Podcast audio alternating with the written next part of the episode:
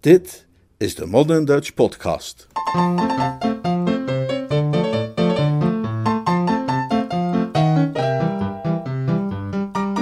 Jeeves is uniek. Een verhaal uit de pseudoroman The Inimitable Jeeves van P.G. Woodhouse, vertaald en voorgelezen door Leonard Beuger.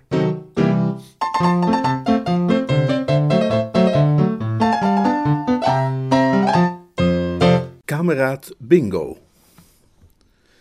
Het begon allemaal in Hyde Park, aan de kant van Marble Arch, waar vreemde vogels van allerlei pluimage zich op zondagmiddag verzamelen en op zeepkistjes toespraken gaan staan houden.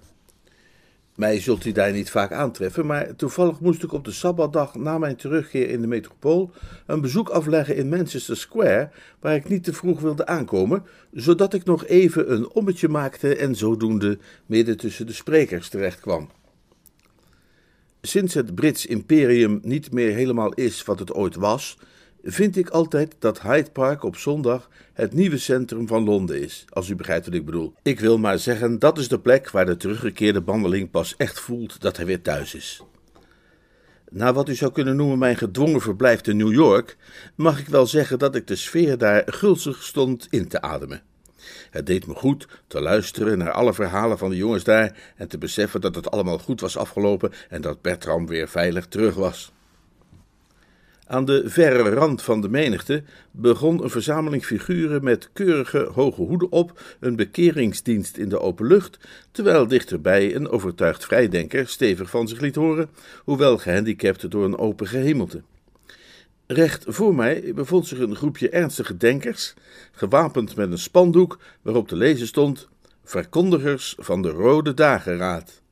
En terwijl ik naderde, was een van die verkondigers, een kerel in een tweedpak, een baard en een flaphoed, bezig de vatsige leden van de bezittende klasse de waarheid te zeggen met zoveel omhaal en energie, dat ik even bleef staan om te luisteren. Iemand tikte mij op de schouder. U bent, u bent toch Mr. Woester? Het was een zwaar gebouwd heerschap.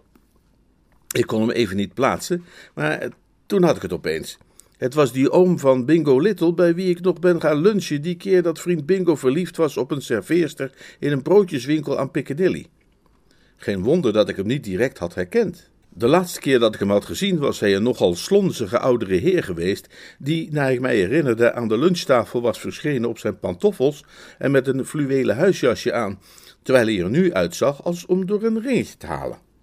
Hij glansde eenvoudig in het zonlicht met zijn hoge zijden hoed, jacket, fantasiebroek en lavendelkleurige slopkousen naar de laatste mode. Bepaald chic. Oh, hallo, zei ik. Alles wel? Ik voel mij voortreffelijk, dank u. Ja. En u? Eerste klas. Ik ben net terug uit Amerika. Ah, ja, op zoek naar een couleurlokaal voor een van uw verrukkelijke liefdesgeschiedenissen wellicht. Uh, ik moest even nadenken voordat ik wist wat hij bedoelde, maar toen herinnerde ik me dat Rosie M. Banks gedoe. Oh nee, nee, nee, zei ik. Ik had, uh, ik had even behoefte aan verandering van lucht. Heeft u Bingo de laatste tijd nog gezien? vroeg ik snel, om de oude heer wat af te leiden van wat je zou kunnen noemen de literaire kant van mijn persoonlijkheid. Uh, bingo? Uw neef. Oh, ah, Richard. Nee, laatst tijd niet. Sinds ik getrouwd ben, lijkt er een zekere verkoeling tussen ons te zijn opgetreden. Het spijt me dat te horen. Dus u bent getrouwd, sinds ik u voor het laatst gezien heb. Zo, zo. En alles ook goed met Mrs. Little? Mijn vrouw bezit een uitstekende gezondheid, ben ik blij te mogen zeggen. Maar uh, het is niet Mrs. Little. Uh, sinds onze laatste ontmoeting heeft het onze vorstin behaagd mij een glorieus teken van haar gunst te geven in de vorm van uh, mijn verheffing tot de adelstand. In de jongste lijst van decoraties en verheffingen werd ik vermeld als Lord Bittlesham. Jongen, werkelijk? Nee, maar hartelijk gefeliciteerd. Dat is andere koffie dan thee. Lord Bittlesham, zei ik.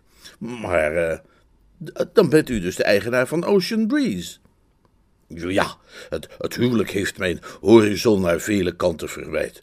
Mijn vrouw is geïnteresseerd in de, in de paardensport en, en, en zodoende ben ik eigenaar geworden van een kleine stal. Ik begrijp dat uh, Ocean Breeze de favoriet is, uh, naar ik meen dat de uitdrukking luidt, in een race die aan het eind van de maand zal worden gehouden op Goodwood, het land van de hertog van Richmond in Sussex. De Goodwood Cup, jazeker. Ik heb er mijn laatste stuiver op ingezet. Werkelijk, werkelijk. Ik hoop dat het dier uw vertrouwen niet zal beschouwen. Ik weet zelf weinig van dit soort zaken, maar ik hoor van mijn vrouw dat winst voor Ocean Breeze beschouwd wordt als wat in kenniskringen naar ik meen wordt aangeduid als een eitje. Op dat moment bespeurde ik dat de omstanders opeens allemaal in onze richting leken te turen, en ik zag dat de kerel met de baard naar ons stond te wijzen. Ja, kijk maar eens goed naar ze. Neem ze zorgvuldig in u op, riep hij uit zijn stem verheffend boven die van een perpetuum mobile adept en het volledige koor van de openluchtdienst. Daar ziet u twee typische vertegenwoordigers van de maatschappelijke klasse die al eeuwenlang de gewone man vertrapt. Ijdelaars, nietsdoende niksnutten.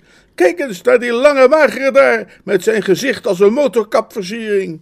Heeft hij ook ooit maar één dag in zijn leven gewerkt? Nee, een lanterfanter is het, een luie hond, een bloedzuiger.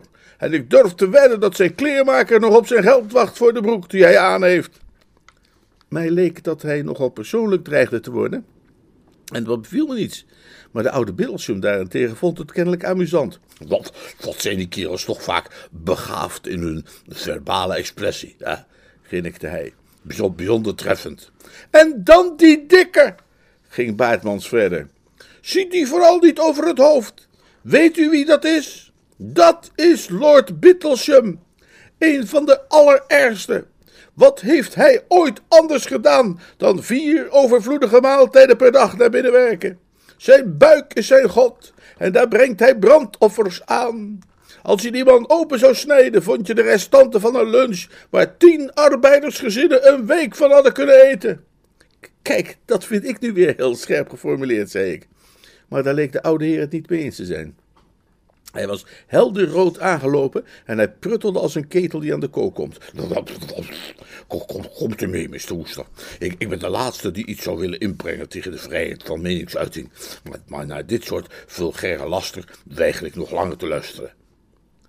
Wij verwijderden ons met kalme waardigheid, terwijl de baarddrager ons tot op het laatst zijn vuile insinuaties bleef naroepen. Donders gênant. De volgende dag ging ik bij de club langs en trof ik Bingo in de rooksalon. Hallo Bingo, zei ik en kuierde op hem af vol bonhomie, want ik was blij de druiloor te zien. Hoe gaat het zo met ons, uh, jonge vriend? Ze een gangetje. Ik heb gisteren je oom gesproken. Bingo produceerde een grijns die zijn gezicht in tweeën sneed. Ja, dat weet ik, lanterfanter. Maar ga zitten en zuig wat bloed. Hè? Hoe is het met je kleermaker? Lieve heer, was jij dat? Ja, dat was ik. Maar ik heb jou daar niet gezien. Jawel, maar je hebt me niet herkend in dat struikgewas. Struikgewas? Die baardknul. Die is elke cent waard die ik ervoor heb betaald. Verhindert herkenning. Het is natuurlijk irritant dat de mensen je de hele tijd bever achterna roepen, maar dat moet je ervoor over hebben. Ik staarde hem aan. Ik begrijp er niks van. Het is een lang verhaal. Drink een martini van me of een uh, bloed en soda, dan zal ik je er alles van vertellen. Maar voor ik dat doe, zeg me eens eerlijk: vind je haar niet het allermooiste meisje dat je van je levensdagen hebt gezien? Hij had ergens een foto vandaan getoverd zoals een goochelaar een konijn uit zijn hoge hoed haalt en wuifde die voor mijn ogen heen en weer. Zo te zien stond er een juffrouw op van een en al ogen en tanden. O lieve hemel, zei ik, je gaat me toch niet vertellen dat je alweer verliefd bent? Hij leek gekwetst. Hoe bedoel je alweer?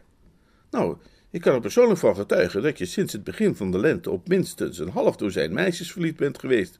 En het is nu pas juli. Ik noem die serveerster en Honoria Glossop en... Nou, moe, om niet te zeggen foei. Die meisjes bedoel je. Dat waren voorbijgaande bevliegingen. En dit is de ware. Waar heb jij haar ontmoet? Op het bovendek van de bus. Ze heet Charlotte Corday Rowbottom. Grote god. Ja, daar kan ze zelf niks aan doen, dat lieve kind.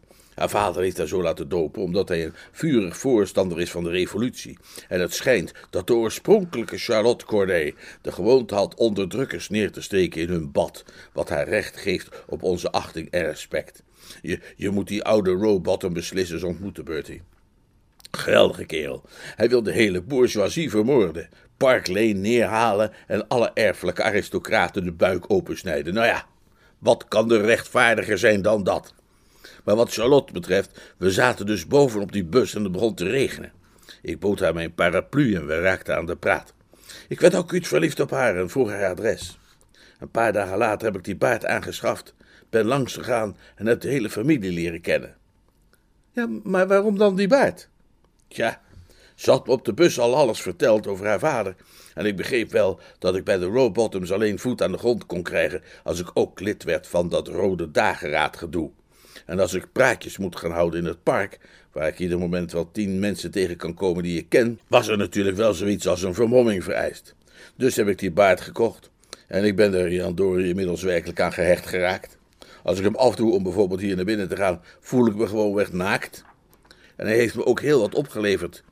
Voor wat betreft de oude Rowbottom. Die denkt dat ik een of andere bolsjewist ben die vermomd over straat moet gaan vanwege de politie. Je moet de oude Rowbottom echt eens ontmoeten, Bertie. Weet je wat? Heb jij morgen iets te doen? Nee, niet speciaals, hoezo? Mooi. Dan kunnen we met z'n allen een keer bij jou op de thee komen. Ik had beloofd om de hele kudde mee te nemen naar eh, Lions Volkscafé. Naar de bijeenkomst die we morgen hebben in Lambeth. Maar op deze manier kan ik wat uitsparen. En uh, geloof me, beste kerel, ik moet tegenwoordig elk dubbeltje wel drie keer omkeren. Heeft mijn oom je verteld dat hij is getrouwd? Ja, en hij zei dat er sindsdien enige verkoeling opgetreden is tussen jullie. Verkoeling? Ik zit op het vriespunt. Sinds zijn trouwen heeft hij van alles opgepakt dat geld kost en op mij bezuinigd. Reken maar dat bijvoorbeeld die titel en mijn smak geld heeft gekost. Zelfs een eenvoudig lintje is tegenwoordig al behoorlijk prijzig, heb ik gehoord. En hij is een renstal begonnen. Tussen haakjes. Zet je laatste knoop in op Ocean Breeze bij de Goodwood Cup. Dat is de gegarandeerde winnaar. Nee, dat ga ik doen. Dat beest kan niet verliezen. Ik ga er genoeg aan overhouden om met Charlotte te kunnen trouwen. Jij gaat natuurlijk ook naar Goodwood? Nou en of. Wij ook. We houden op de dag van de wedstrijd een bijeenkomst vlak naast de plek waar de paarden gezadeld worden. Is dat niet ontzettend riskant voor jou? Je oom is vast en zeker ook op Goodwood. En stel je voor dat hij je herkent. Hij wordt natuurlijk razend als hij ontdekt dat jij het was die hem zo van langs heeft gegeven in het park.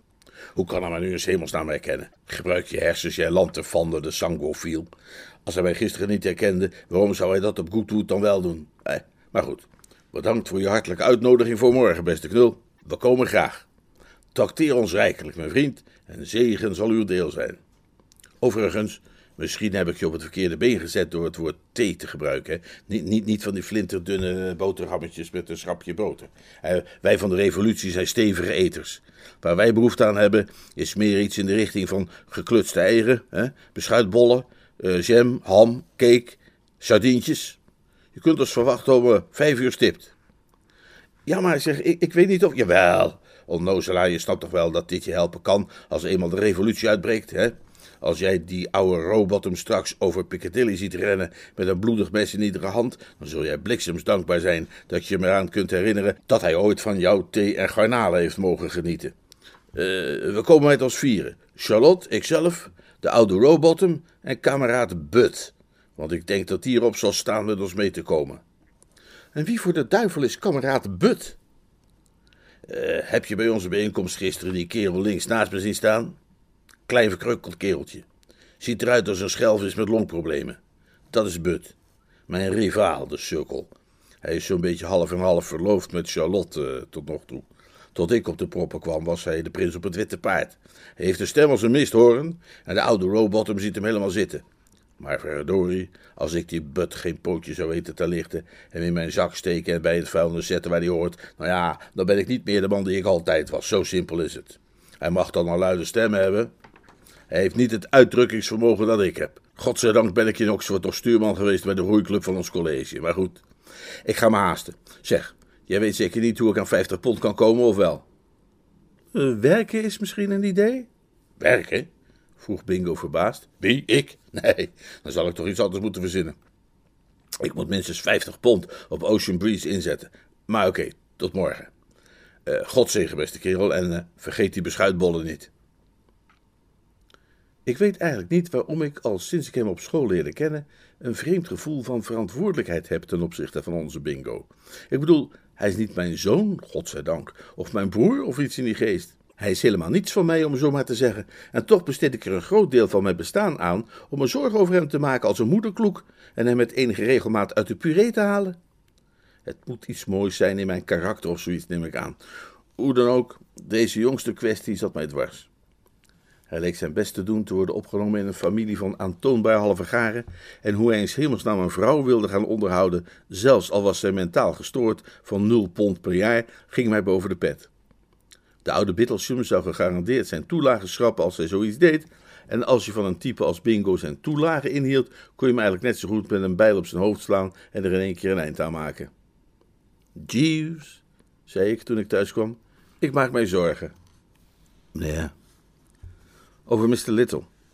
Ik ga het je nu niet allemaal vertellen, want morgen komt hij hier met een paar vrienden op de thee en dan kun je voor jezelf oordelen. Ik wil dat je de zaak zorgvuldig observeert, Jeeves, en je conclusies trekt. Uitstekend, meneer. En wat de thee betreft, zorg voor beschuitbollen. Ja, meneer. En voor uh, jam, ham, cake, geklutste eieren en uh, vijf of zes wagonladingen sardines. Sardines, meneer? Vroeg Jeeves, terwijl hem een rilling langs het lijf liep. Sardines. Hij bleef even een ongemakkelijke stilte houden. Ja, je mag het mij niet kwalijk nemen, Chief, zei ik. Het is absoluut niet mijn schuld. Nee, meneer. Goed, dat is dan dat. Ja, meneer. Ik kon zien dat hij gespannen peinsde. Ik heb ontdekt, als een algemene stelregel, dat de dingen waarvan je verwacht dat ze het rottigst zullen zijn, bijna altijd nogal meevallen. Maar zo was het niet met Bingo's theepartijtje. Vanaf het moment dat hij zichzelf had uitgenodigd, had ik al het gevoel gehad dat er iets niet helemaal lekker mee zat. En dat bleek ook wel. En het gruwelijkste aspect van de hele zaak vond ik wel dat ik Jeeves voor het eerst, zolang ik hem ken, dicht bij de wanhoop zag komen. Ik neem aan dat iedereen wel ergens een zwakke stee heeft, maar vriend Bingo wist die van Jeeves al meteen bij de aftrap te treffen door binnen te komen met een bruine baard van ruim 15 centimeter aan zijn kin. Ik was vergeten Jeeves te waarschuwen voor die baard, dus voor hem kwam die uit een stralend blauwe lucht vallen. Ik zag hoe zijn mond openviel en hoe hij zich aan de tafel moest vastklampen om niet te vallen. Niet dat ik het hem kwalijk neem, weinig mensen hebben er ooit zo walgelijk uitgezien als Bingo met dat struikgewas. Jeeves verbleekte enigszins, maar al snel trok het bij en was hij weer zichzelf. Wel kon ik nog zien dat hij een stevige schok had doorgemaakt. Vriend Bingo was het niet opgevallen omdat hij te druk bezig was met iedereen voor te stellen. Het was overigens een verzameling van C3-niveau. Kameraad But zag eruit als iets dat uit een dode boom komt kruipen na een regenbui. Door de motten aangetast zou ik als beschrijving willen gebruiken voor de oude Rowbottom. En wat Charlotte betreft, die leek mij regelrecht binnen te voeren in een andere en gruwzame wereld. Het was niet direct dat ze nu zo lelijk was, Wanneer ze af zou zien van de koolhydraten en regelmatig wat Zweedse turnoefeningen zou doen, zou zij wellicht best mee door kunnen. Maar er was gewoon te veel van haar. In weelderige rondingen. Wel doorvoed was er misschien de beste uitdrukking voor. En hoewel ze misschien een hart had van goud, was wat je toch het eerst opviel aan haar, dat ze ook een tand had van goud. Ik wist dat vriend Bingo, wanneer hij in vorm was, verliefd kon worden op praktisch alles dat van het vrouwelijk geslacht was, maar deze keer was er echt niets tot zijn verontschuldiging aan te voeren. En dit is mijn vriend, Mr. Woester, zei Bingo ter afronding van de introductieplechtigheid. De oude Rowbottom bekeek mij eens goed en nam daarna de hele kamer in zich op, en ik kon zien dat hij niet bijzonder blij was met wat hij zag. Er is absoluut niets van Oosterse weelde of extravagantie aan te treffen in mijn appartement, maar ik heb het mij wel behoorlijk comfortabel weten te maken en ik neem aan dat hij zich nogal ergerde aan die omgeving. Mr. Woeste? vroeg de oude Rowbottom. Mag ik u kameraad Woeste noemen? Pardon? Behoort u tot de beweging? Uh, tja, uh, uh, u ook naar de revolutie? Ja, ik, ik weet niet of ik nou echt rijkhals. Ik bedoel, voor zover ik het begrepen heb, is het hele punt van dat systeem nu juist dat types zoals ik vermoord zouden moeten worden. En, en ik wil best toegeven dat die gedachte me niet echt aanstaat. Maar ik ben bezig het te bewerken, hè, zijn mening om te vormen, zei Bingo. Ik worstel met hem in dat opzicht. Nog iets meer instructie en ik heb hem om. De oude Rowbottom keek me wat twijfelachtig aan. Kameraad Little is begaafd met een uitzonderlijke eloquentie, gaf hij toe. Ik vind hem een geweldige spreker, zei het meisje, waarop vriend Bingo haar een blik toewierp, vol dermate kleffe devotie, dat ik ervan stond te rillen in mijn schoenen. Ook op kameraad But had die blik een sterk deprimerend effect. Hij fronste in de richting van de vloer en zei iets over het dansen op vulkanen. De thee is opgediend, meneer, zei Jeeves. Thee, pa? Zei Charlotte, die op het woord thee reageerde als een ervaren strijdros op het geluid van de krijgstrompet, en we vielen aan. Het is wonderlijk hoe een mens verandert naarmate de jaren vorderen. Ik weet nog hoe ik als schooljongen met genoegen mijn ziel zou hebben verkocht voor geklutste eieren en sardines om vijf uur in de middag, maar op de een of andere manier heb ik sinds ik de volwassen staat heb bereikt mijn smaak daarvoor verloren. En ik moet bekennen dat ik behoorlijk gechoqueerd was door de wijze waarop de zonen en dochter van de revolutie op de mondkost afdoken en aan het schransen sloegen. Zelfs kameraad But legde zijn somberheid tijdelijk af en ging met volle inzet voor de geklutste eieren slechts af en toe opduikend om nog een kopje thee te scoren. Uiteindelijk raakte het warm water op en ik wendde mij tot Jeeves. Uh, nog wat warm water? Uitstekend, meneer. Hola, wat krijgen wij nou? Wat krijgen wij nou? De oude Rowbottom zette zijn kopje neer en keek ons streng aan. Hij tikte Jeeves op de schouder. Geen onderdanigheid, hè, beste vriend? Geen onderdanigheid. Pardon, meneer. En noem maar geen meneer noemt mij kameraad. Weet je wat jij bent, beste vriend? Je bent een achterhaald restant van een tot stof vervallen feodaal systeem. Uitstekend, meneer. En als er één ding is waarvan mij het bloed gaat koken in de aderen. Neem nog een sardientje, viel vriend Bingo hem in de reden. Het eerste verstandige ding dat hij heeft gedaan zolang ik hem ken. De oude Rowbottom nam er drie en liet het onderwerp vallen. Jeeves dwarrelde bij hem vandaan. Aan zijn rug kon ik zien hoe hij zich voelde. Eindelijk, juist toen ik begon te vrezen dat er nooit een eind aan zou komen, was het opeens afgelopen. Ik schrok op om te ontdekken dat het gezelschap zich opmaakte om te vertrekken. De sardines en zo'n 2,5 liter thee hadden de oude robot mild gestemd. Er lag een beslist hartelijke blik in zijn ogen toen hij mij de hand schudde. Ik wou je graag bedanken voor je gastvrijheid, kameraad Woester, zei hij. Ach, uh, het was niets, ik was alleen maar blij dat. Uh, gastvrijheid? Snoof kameraad But zo dicht bij mijn oor dat het was of er een dieptebom ontplofte. Hij fronste nors in de richting van Bingo en het meisje die bij het raam stonden te giebelen. Het verbaast me dat het voedsel niet tot stoffen ging in onze monden. Eieren, beschuitbollen, sardines, allemaal weggerukt van de bloedende lippen van de hongerlijdende armen. Maar nee zeg, wat een gruwelijk idee. Ik zal je wat lectuur doen toekomen met betrekking tot onze zaak, zei de oude Rowbottom. En ik hoop je spoedig terug te zien op een van onze bescheiden bijeenkomsten. Jeeves kwam de kamer binnen om af te ruimen en trof mij aan, gezeten te midden van de puinhopen. Die kameraad Butt mocht dan iets te zeuren hebben over het voedsel. Hij had wel mooi bijna de hele hamsoldaat gemaakt. En als je het restje van de jam tussen de bloedende lippen van de hongerlijdende armen had geduwd, waren ze er nauwelijks klevig van geworden. Tja, Jeeves, zei ik. Wat zeg jij ervan? Ik geef er de voorkeur aan mijn mening voor mij te houden, meneer. Jeeves, Mr. Little is verliefd op die jonge dame. Dat is mij duidelijk geworden, meneer. In de gang gaf ze hem een klap tussen de schouderbladen. Ik greep naar mijn voorhoofd. Een klap tussen de schouderbladen? Ja, meneer, op schalkse wijze. Grote goedheid. Ik wist niet dat het al zo ver gekomen was. Hoe leek kameraad Butt dat op te nemen, of heeft hij het niet gezien? Jawel, meneer. Heeft het hele voorval gadegeslagen. Zijn houding trof mij als buitengewoon jaloers. Ik kan het hem niet kwalijk nemen. Jeeves, wat moeten we hier aan doen?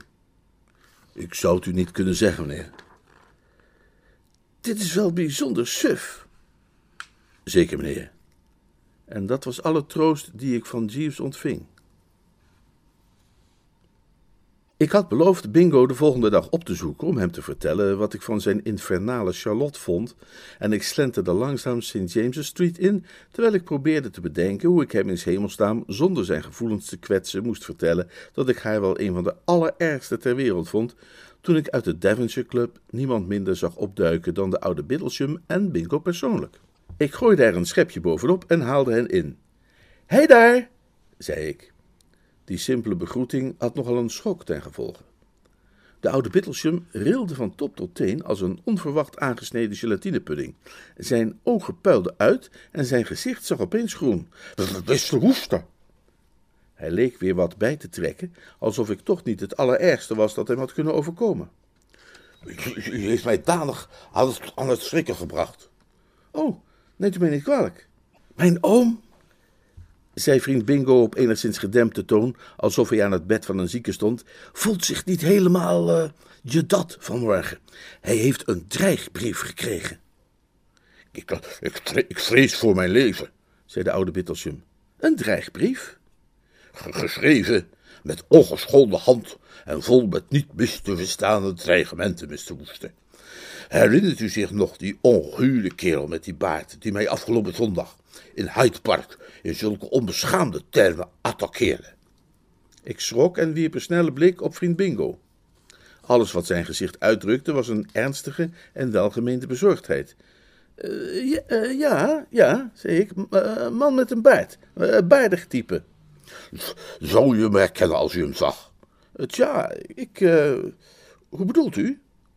Het is namelijk zo, Bertie, zei Bingo, dat wij denken dat die man met die baard hierachter zit. Ik liep toevallig gisteravond laat over Ponsonby Gardens, waar oom Mortimer woont. En toen ik langs zijn huis kwam, zag er een kerel op een soort tersluikse manier de treden van de stoep afsluipen. Die had mogelijkerwijze juist die brief in de brievenbus gedaan. En ik zag nog dat hij een baard droeg. Ik heb er verder niet meer bij stilgestaan, totdat oom Mortimer mij vanmorgen de brief liet zien die hij had gekregen en mij vertelde over die kerel in het park. Ik ga een onderzoek instellen. De politie zou ervan op de hoogte moeten worden gebracht, zei Lord Bittlesham. Nee, nee, nee, zei vriend Bingo met overtuiging, niet in dit stadium van de gebeurtenissen. Dat zal mij in mijn mogelijkheden beperken. Maar maak u geen zorgen om, ik denk dat ik die kerel wel voor u kan opsporen. U kunt dat rustig aan mij overlaten. Ik zal nu even een taxi voor u roepen en dan blijf ik hier om een en ander nog even te bespreken met Bertie. Je bent een beste jongen, uh, Richard, zei de oude Bittlesham. We zetten hem in een voorbijkomende taxi en liepen samen verder. Ik wendde me tot vriend Bingo, keek hem recht in zijn ogen. Heb jij hem die brief gestuurd? vroeg ik. Ja, allicht. Je had hem moeten zien, Bertie. Een van de beste recht toe recht aan dreigbrieven die ik ooit heb geschreven. Ja, maar wat heeft dat voor zin? Bertie, beste knul, zei Bingo en hij greep me ernstig bij de mouw. Ik had daar een voortreffelijke reden voor. Het nageslacht zal van alles van me kunnen zeggen, maar niet dat ik geen voortreffelijk zaakinstinct heb. Kijk eens hier. Hij wapperde met een velletje papier voor mijn ogen. Grote genade. Het was een cheque, een echte, heuse cheque voor vijftig pietermannen, ondertekend door Bittlesham en uitgeschreven op de naam van R. Little. Waar heb je die voor gekregen? Onkosten, zei Bingo en stopte hem weer in zijn zak. Je denkt toch niet dat een onderzoek als dit gratis en voor niets kan worden uitgevoerd, of wel? Ik begeef mij nu naar de bank om ze hiermee eens flink te laten schrikken. En daarna zoek ik mijn boekmaker op en zet ik dit hele bedrag in op Ocean Breeze. Wat je in dit soort situaties nodig hebt, Bertie, is tact. Als ik zomaar naar mijn oom was gegaan en hem om 50 pop had gevraagd, zou ik die dan hebben gekregen? Nee. Maar door een beetje tact te gebruiken. Oh, tussen haakjes, wat vond jij van Charlotte? Nou, uh, vriend Bingo masseerde liefkozend de mouw van mijn jasje. Ik weet het, beste kerel, ik weet het. Probeer er maar geen woorden voor te vinden. Ze heeft je van je stuk gebracht, hè? Je sprakeloos achtergelaten, toch? Ik herken dat maar al te goed. Die uitwerking is op iedereen. Maar goed, ik, ik moet er door, beste vent. Oh, voordat ik ga, uh, Bud. Wat zeg je van die Bud? De grootste vergissing van moeder natuur, vind je ook niet? Nou, ik moet zeggen dat ik wel eens vrolijke types heb gezien. Maar ik geloof dat ik hem nu toch echt te vlot af ben, Bertie. Uh, Charlotte gaat vanmiddag met mij naar de diergaarde, alleen. En daarna naar de film. dat moet wel het begin zijn van het einde, denk je ook niet? Maar goed, toedeloe, vriend van mijn jeugd. Als je verder niets te doen hebt vanmorgen, zou je even door Bond Street kunnen lopen om een huwelijksgeschenk uit te zoeken. ik heb Bingo daarna wat uit het oog verloren. Een paar keer heb ik berichtjes voor hem achtergelaten op de club met het verzoek om mij op te bellen, maar die hebben geen resultaat gehad. Ik nam aan dat hij het te druk had om antwoord te geven. Ook de zonen van de Rode Dageraad verdwenen uit mijn leven, hoewel Jeeves me een keer vertelde dat hij kameraad Bud op een avond was tegengekomen en even met hem had gesproken. Hij meldde dat Bud nog chagrijniger was geweest dan ooit. Bud was kennelijk lager op de lijst komen te staan in de strijd om de lijvige Charlotte. Mr. Little lijkt hem geheel en al te hebben overvleugeld, meneer, zei Jeeves. Dat is slecht nieuws, Jeeves. Slecht nieuws. Ja, meneer. Waar het volgens mij op neerkomt, Jeeves, is dat als vriend Bingo echt ergens voor gaat, er geen aardse of hemelse macht is die kan voorkomen dat hij uiteindelijk toch in alle zeven sloten tegelijk loopt. Daar lijkt het inderdaad op, meneer. Maar tenslotte waren we toe aan Goodwood, en dus groef ik mijn beste pak op en begaf mij op weg. Ik weet nooit, als ik een verhaal vertel, of ik het nu beter strikt bij de kale feiten kan houden, of daar ook een beetje omheen moet babbelen en er wat sfeer in brengen en dat soort dingen meer.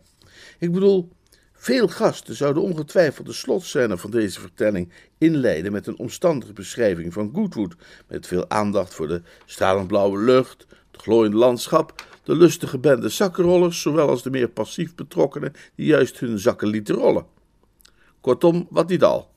Maar zelfs als ik die bijeenkomst tot in detail had willen beschrijven, geloof ik niet dat ik er tegen zou zijn opgewassen.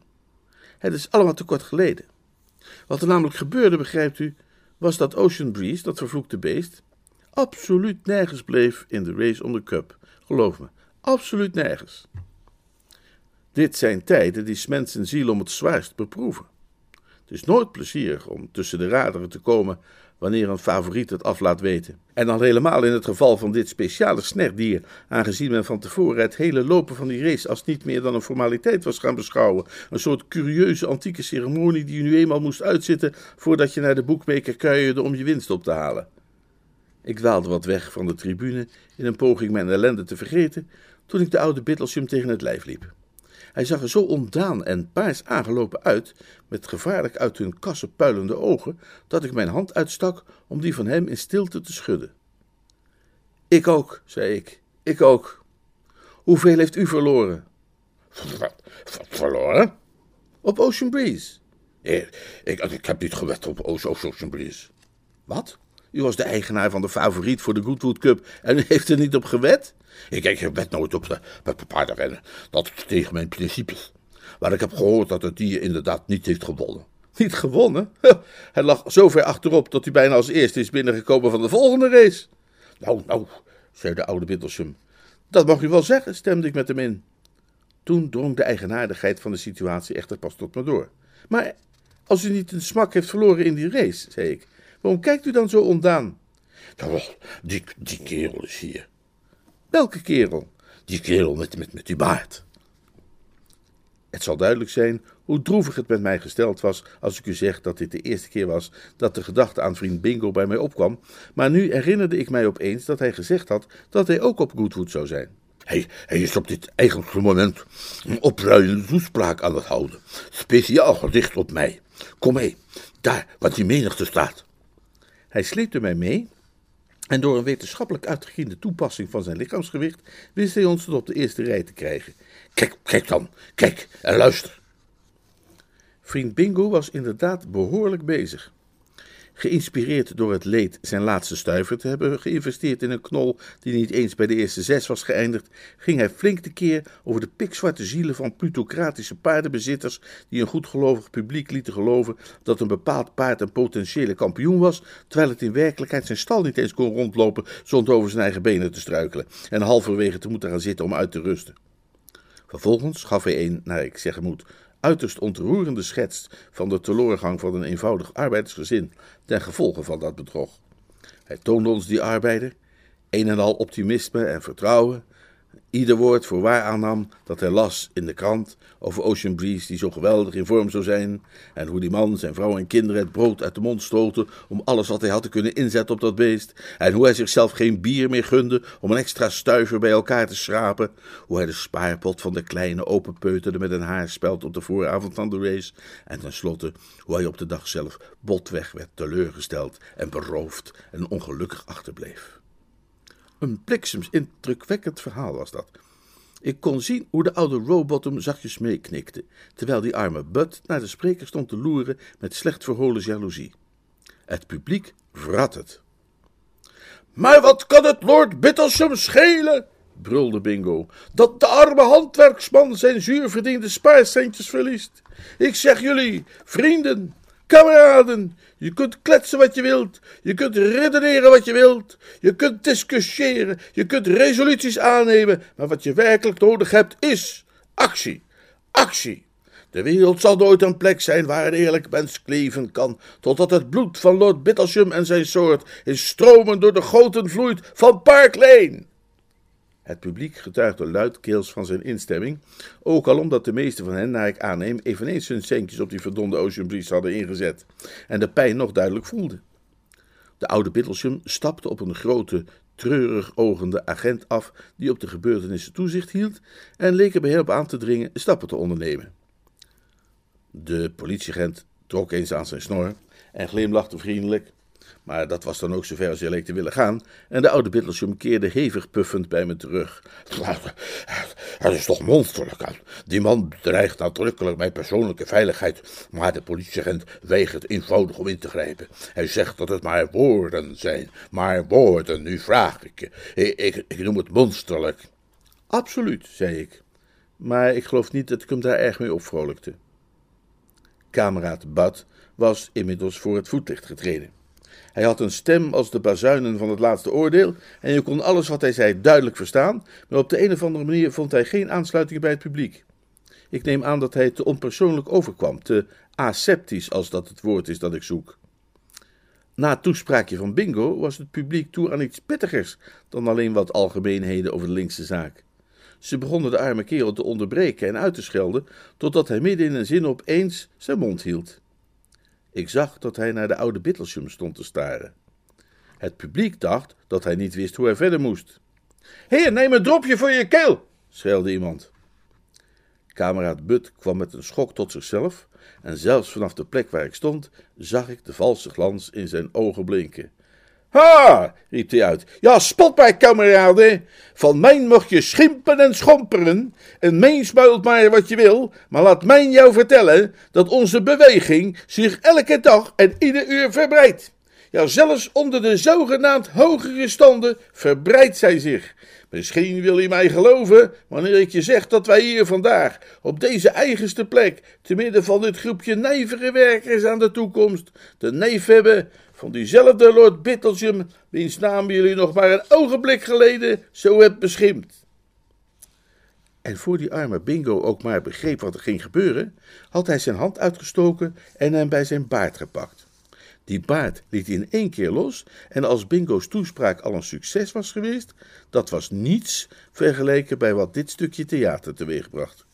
Ik hoorde de oude Bittlesham naast mij zich bijna verslikken van verbazing, maar als hij ook nog iets te zeggen had, verdronk dat in elk geval in het donderend applaus van de omstanders.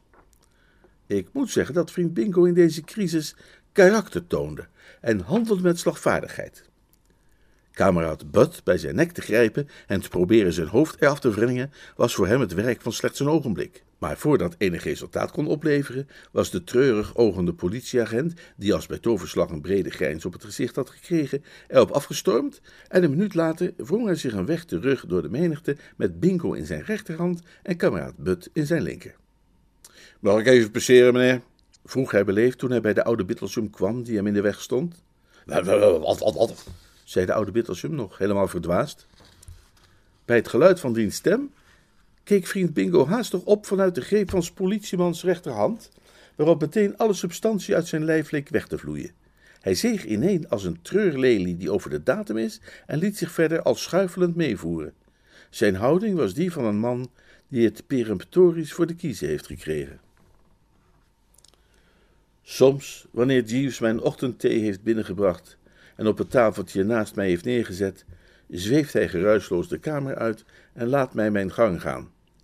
Op andere momenten blijft hij respectvol midden op het beddenkleedje wat heen en weer staan bewegen, eh, waaruit ik kan opmaken dat hij mij iets te zeggen heeft. Op de dag nadat ik terug was van Goodwood, lag ik op mijn rug naar het plafond te staren, toen ik bespeurde dat hij zich nog in mijn midden bevond. Oh, hallo, zei ik, wat is het? Mr. Little is vanmorgen aan de deur geweest, meneer. Oh, hemel, en? Heeft hij je verteld wat er is gebeurd? Ja, meneer, in verband met het feit dat u u wenste te spreken. Hij is van zin zich terug te trekken op het platteland, om al daar een wat langere tijd te verblijven. Dat is bliksemsverstandig van hem. Een mening die ik volledig met u deel, meneer. Er was in dat kader evenwel een klein financieel probleem te overwinnen.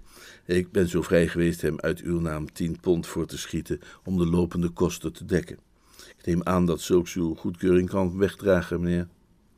Oh, natuurlijk. Neem maar een tientje van mijn kleedtafel.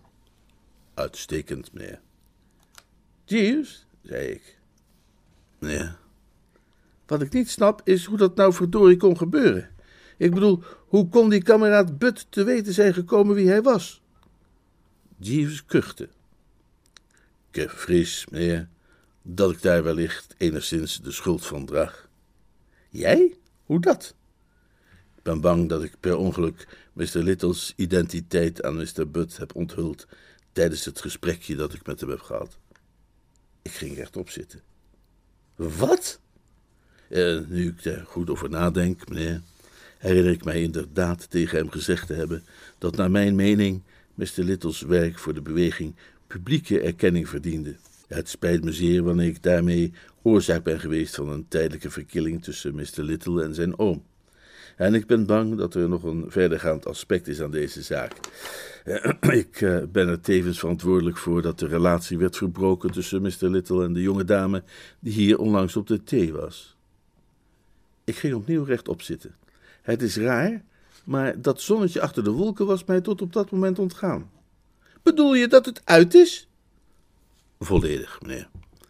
Ik moet uit opmerkingen van Mr. Little opmaken dat zijn hoop in die richting op dit moment als gefnuikt moet worden beschouwd. Mr. Little vertelt mij dat, ook al was er geen ander obstakel, de vader van de jonge dame hem thans beschouwt als een verrader en een spion. Wel heb ik ooit. Gelijk onopzettelijk nogal wat problemen te hebben veroorzaakt, meneer. Jeeves, zei ik. Ja. Hoeveel geld ligt er nog op die kleedtafel? En naast het briefje van tien dat u mij verzocht daar af te nemen, tref ik hier nog twee briefjes van vijf pond en drie van één.